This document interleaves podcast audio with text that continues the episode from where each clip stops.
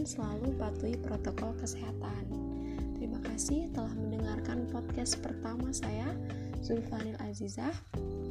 Di sini saya akan membahas uh, materi yang ditugaskan untuk memenuhi salah satu mata kuliah etika bisnis Islam.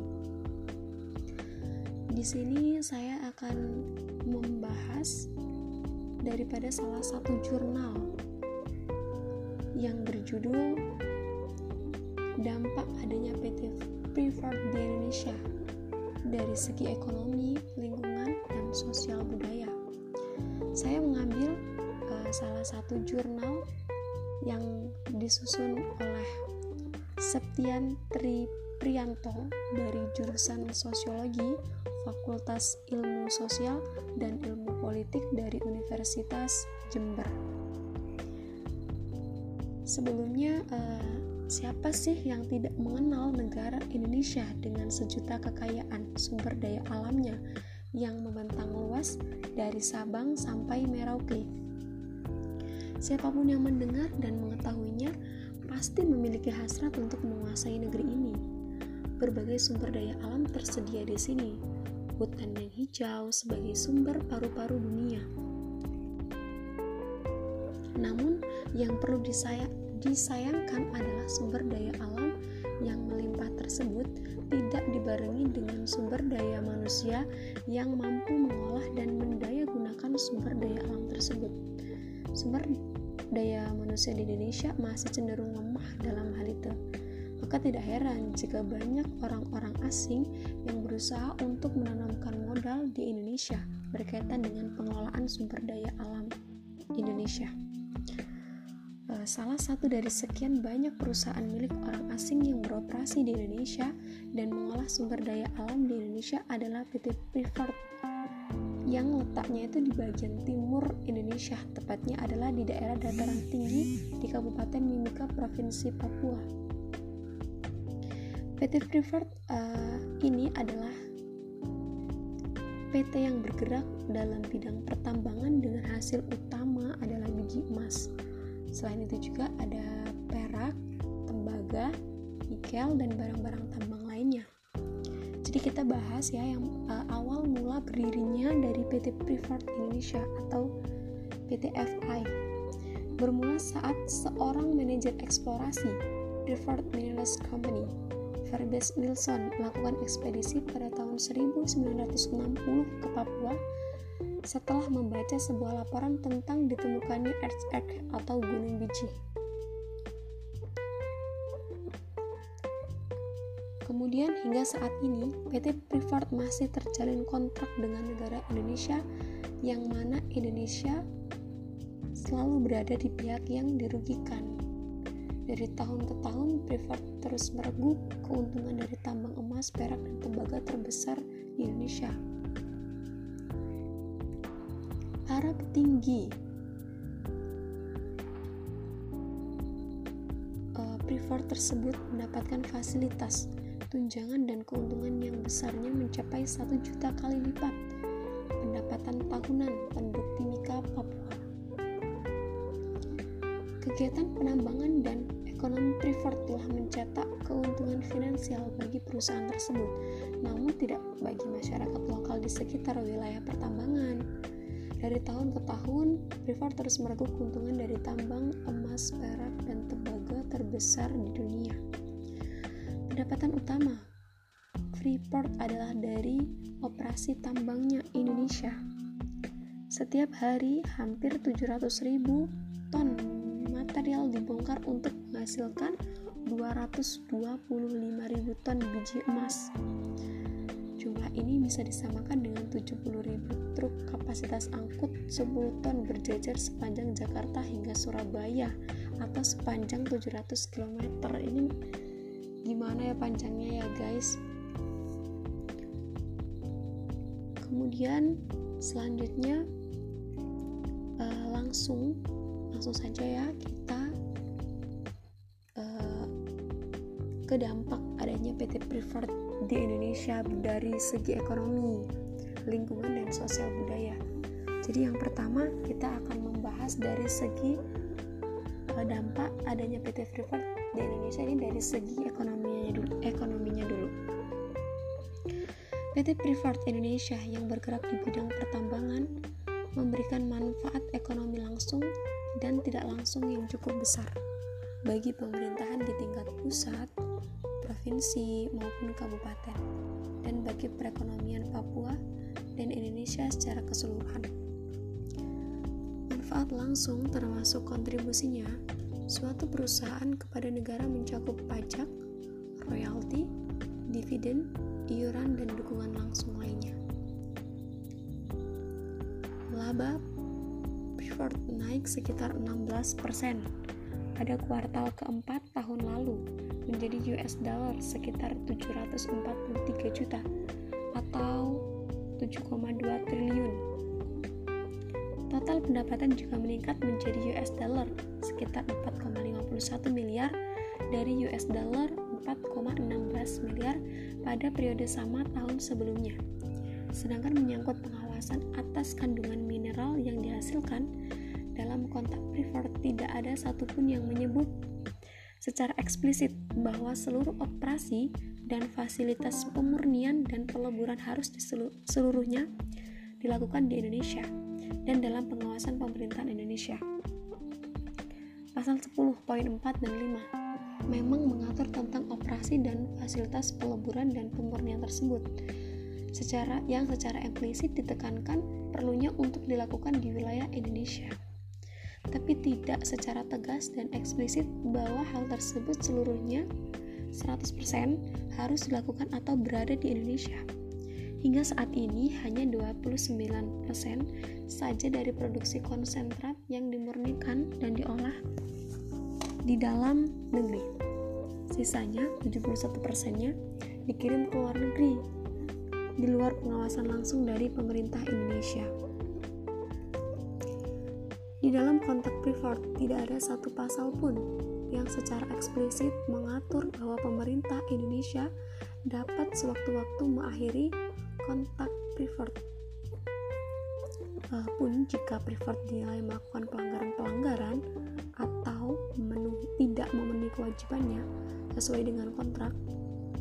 Sebaliknya, pihak preferred dapat sewaktu-waktu mengakhiri kontrak tersebut jika mereka menilai pengusahaan pertambangan di wilayah kontrak pertambangannya sudah tidak menguntungkan lagi secara ekonomis.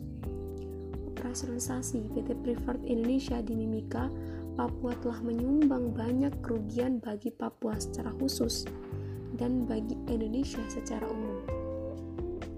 Kerugian tersebut di antaranya PT Preferred Indonesia hanya mampu menambah pendapatan pemerintah pusat sebesar US dollar 3,4 miliar sampai dengan Desember 2013 dan pemerintah daerah Papua sebesar US dollar 7,7 miliar dalam bentuk infrastruktur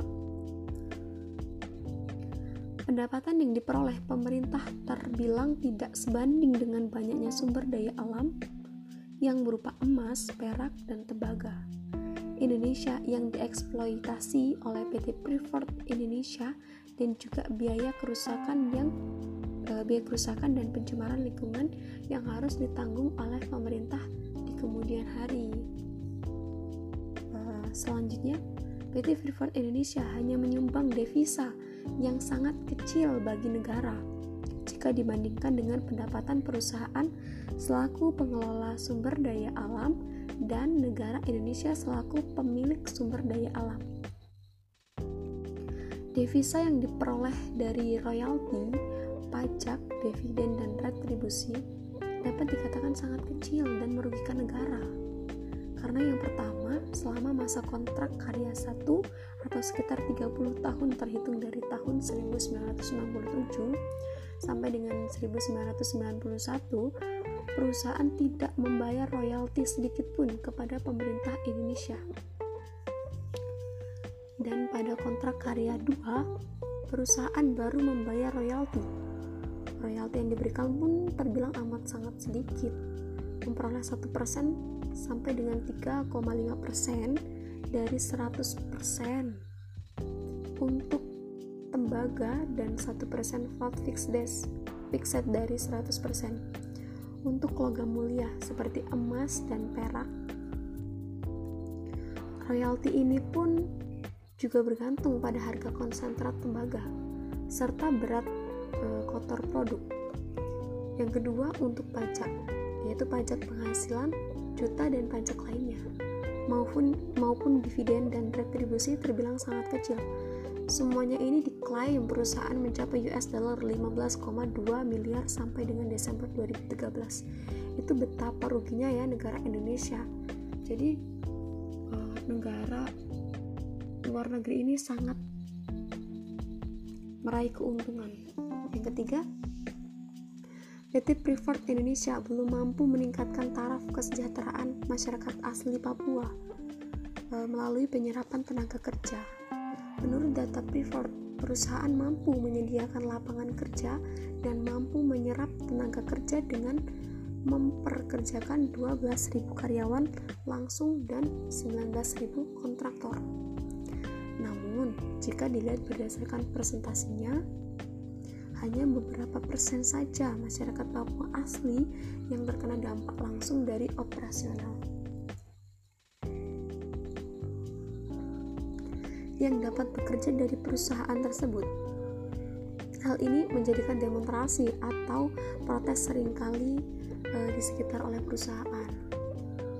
Ini tadi dari dampak ekonominya. Yang kedua ini adalah dampak adanya PT Privat di Indonesia dari segi lingkungan. Beberapa kerusakan lingkungan yang diungkap oleh media dan LSM adalah Privat telah mematikan 23.000 hektar hutan di wilayah pengendapan tailing, merubah bentang alam karena erosi maupun sedimentasi, meluapnya sungai karena pendangkalan akibat endapan tailing. Freeport telah membuang tailing dengan kategori limbah B3 atau bahan beracun berbahaya melalui sungai Echwa. Limbah ini telah mencapai pesisir laut Arafura. Tailing yang dibuang privat ke sungai Echwa melampaui baku mutu total subsen solid atau TSS yang diperbolehkan menurut hukum Indonesia.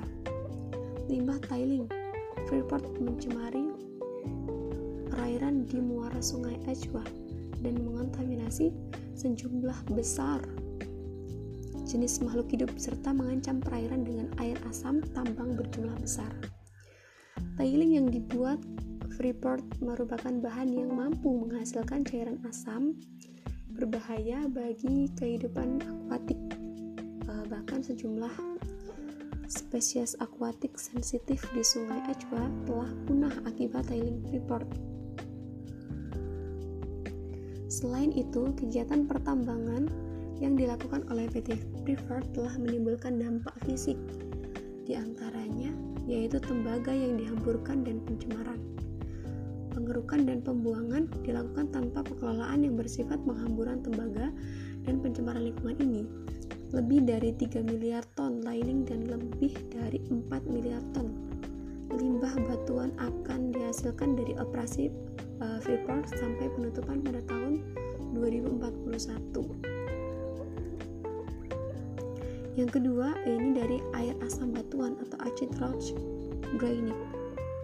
Uh, hampir semua limbah batuan dari tambang Grassberg berpotensi membentuk asap. Limbah batuan ini dibuang ke sejumlah tempat di sekitar Grassberg dan menghasilkan ARD dengan tingkat keasaman tinggi mencapai rata-rata pH sama dengan 3. Kemudian dari tingkat racun tailing dan, ber, dan dampak terhadap perairan. Sebagian besar kehidupan air tawar telah hancur akibat pencemaran dan perusakan habitat sepanjang daerah aliran sungai yang dimasuki tailing. Yang keempat, dari logam berat pada tanaman dan satwa liar.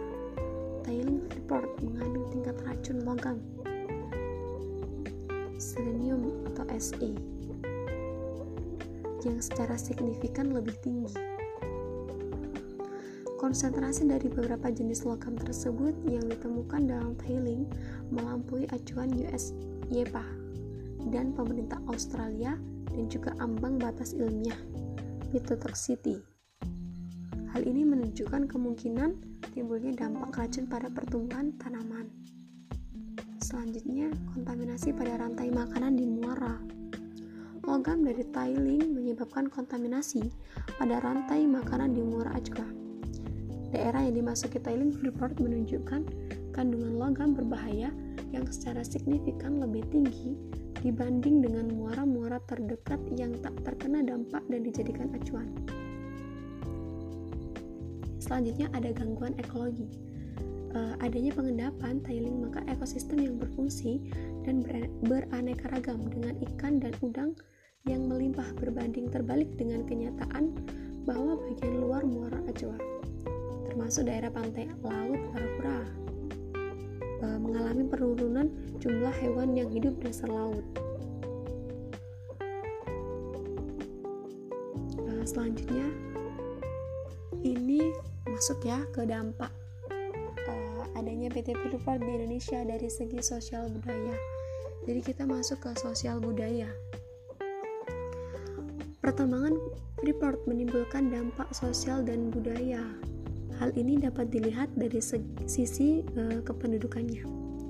Pemukiman penduduk semakin tersingkir dan menjadi perkampungan kumuh di tengah-tengah kawasan industri tambang termegah di Asia. Dengan demikian, perkembangan tambang di tengah-tengah suku Amungme dan Kamuro ini bukannya mendatangkan kehidupan yang lebih baik, melainkan malah semakin menyudutkan mereka menjadi kelompok marginal. Hal ini semakin terdorong oleh uh, semakin besarnya arus urbanisasi ke mimika dari daerah-daerah sekitarnya dan dari pulau lain di Indonesia. Di mana kehidupan homogen di masa lalu seketika menghadapi tantangan dari luar dengan hadirnya berbagai suku dan bangsa yang masuk wilayah adat suku Amungme dan Kamoro. Persoalan lain yang paling mendasar bagi masyarakat adat Amungme maupun masyarakat adat Kamoro adalah perlunya pengakuan kepada mereka sebagai manusia di, di atas tanah mereka sendiri persoalan martabat uh, manusia harus dihargai oleh siapa pun. Kalau martabat suku Amungme dan suku Kamoro dihargai sebagai manusia, maka persoalan PT Freeport uh, harus diselesaikan dengan melibatkan kedua suku tersebut sebagai masyarakat adat pemilik sumber daya alam tambang tersebut. Uh, meski di tanah leluhurnya terdapat tambang emas terbesar di dunia, orang-orang Papua khususnya mereka yang tinggal di Mimika, Paniai, dan Puncak Jaya pada tahun hanya mendapat ranking indeks pembangun manusia ke-212 dari 300-an lebih kabupaten di Indonesia. Hampir 70% penduduknya tidak mendapatkan akses terhadap air yang aman dan 35,2% penduduknya tidak memiliki akses terhadap fasilitas kesehatan.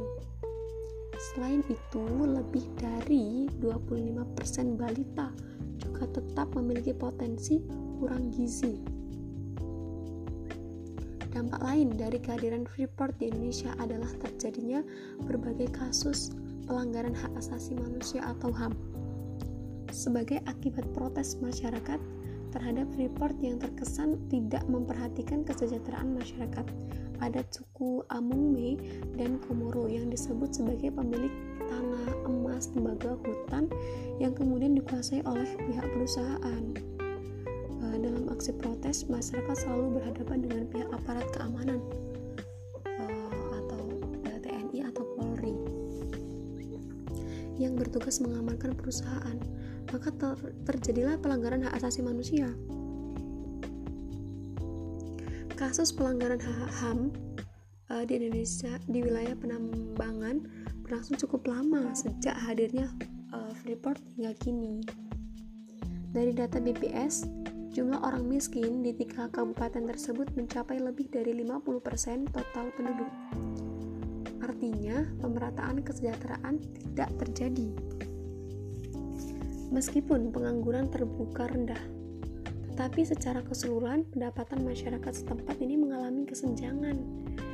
Bisa jadi kesenjangan yang muncul antara para pendatang dan penduduk asli yang tidak mampu bersaing di tanahnya sendiri. Bisa jadi pula angka persentase yang menunjukkan kemiskinan, seperti akses terhadap air bersih, kurang gizi, akses terhadap sarana kesehatan, mengandung bias rasisme. Artinya kemiskinan dihadapi oleh penduduk asli dan bukan pendatang. Ini merugikan banget ya bagi bangsa kita dan sangat menguntungkan bagi bangsa lain.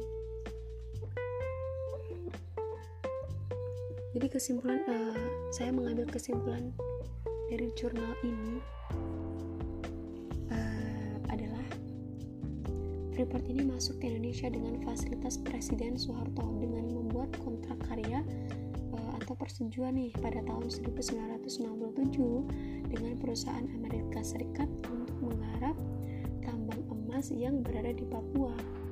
PT Freeport ini menimbulkan dampak yang sangat banyak bagi Indonesia uh, selain dampak terhadap lingkungan di sekitar area pertambangan pertambangan PT Freeport ini juga mengakibatkan adanya pertambangan tersebut uh, juga memiliki dampak bagi kehidupan sosial budaya masyarakat uh, sekitarnya serta akibat adanya kegiatan pertambangan yang dilakukan oleh PT Freeport berdampak besar bagi perekonomian negara Indonesia.